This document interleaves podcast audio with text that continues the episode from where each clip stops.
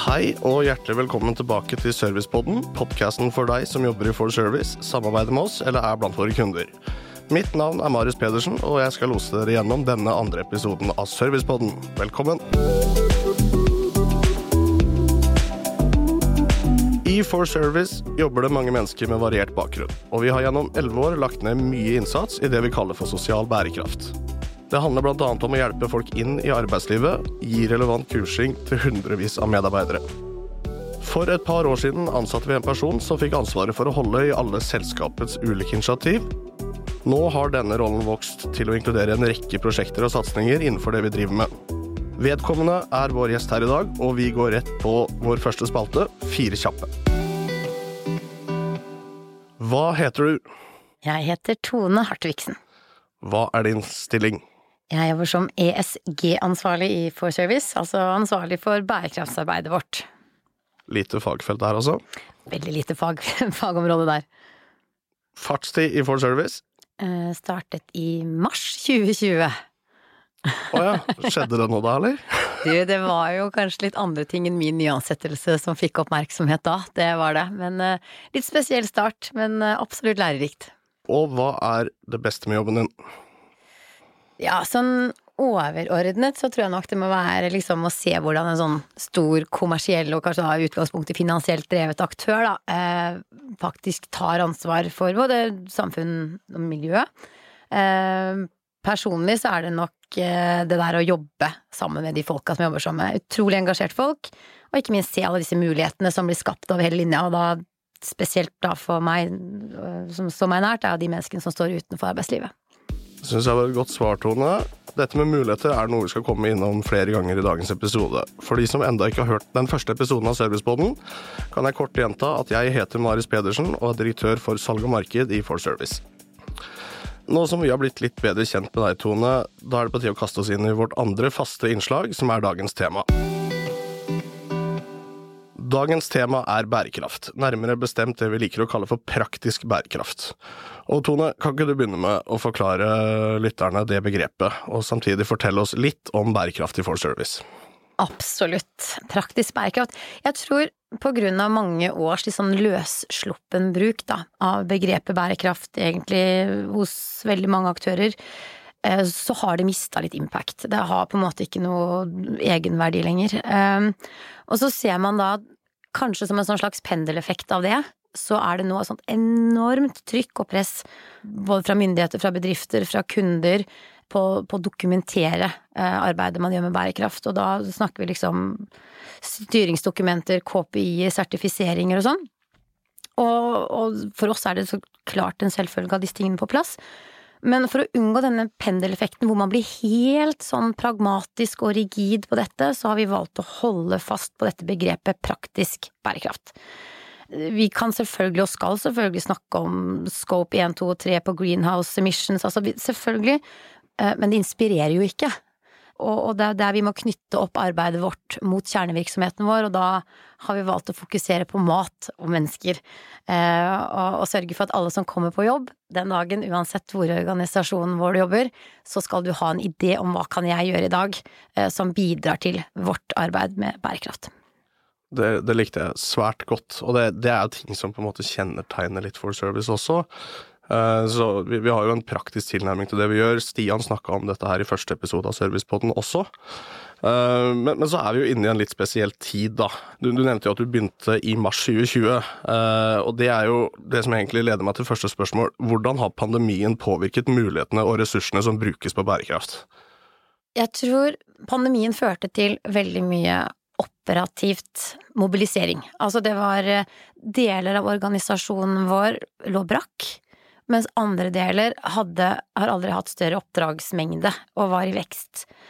Å skulle stå oppi dette og forvalte et utenforskap som også ville inn, fikk meg også til å forstå viktigheten av å forvalte våre allerede ansatte.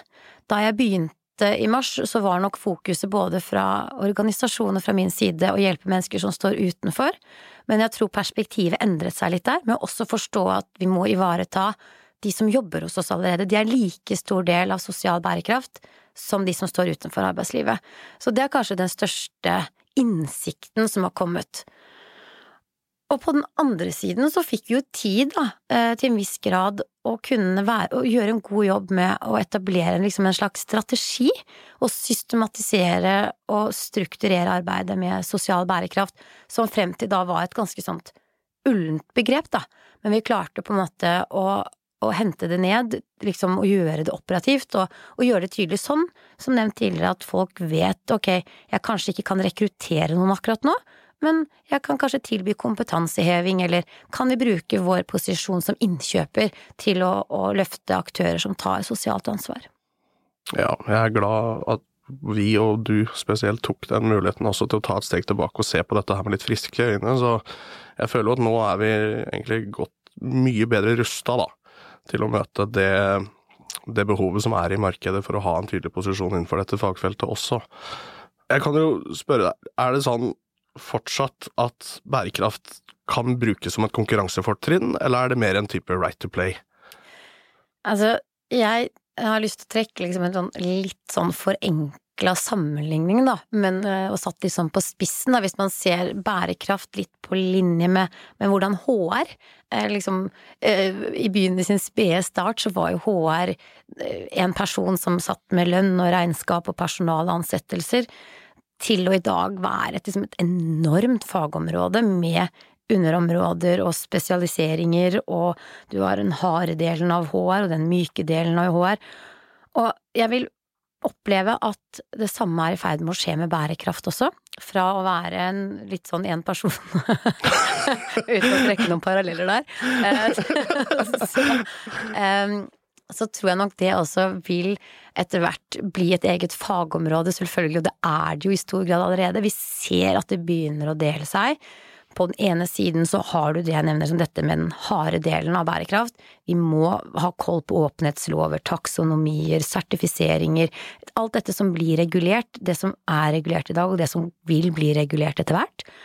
Og det er klart det er sånne ting som det bare må være der. Ikke sant? Dette, det blir, dette vil jo være liksom klassiske hygienefaktorer på, på, på, sikt. Det er right to play. Det er right to play. Ja. Og så er det det som kan kanskje være konkurransefortrinn, og det som gjør er jo å sikre og vise hva er det vi gjør bedre enn de andre på den myke delen av det, da. Det vi ikke må gjøre, de områdene hvor vi liksom ikke er påtvunget å gjøre tiltak og aktiviteter. Eh, hva er det som Og ikke minst klare på en eller annen måte å få ut kvalitative gode tall, da, og målinger på de tiltakene vi gjør.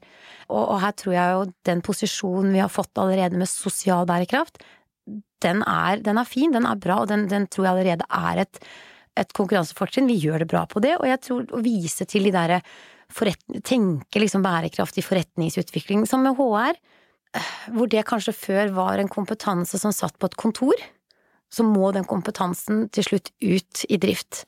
Og det tror jeg vi også må se på bærekraft, at det er noe som det er en kompetanse som alle må inneha. Og dette med driften, det har jeg lyst til å høre mer om, men uh, jeg ser at tiden er i ferd med å løpe ut. Uh, jeg tror rett og slett at vi tar to episoder, Tone. At du får komme tilbake. det høres fint ut.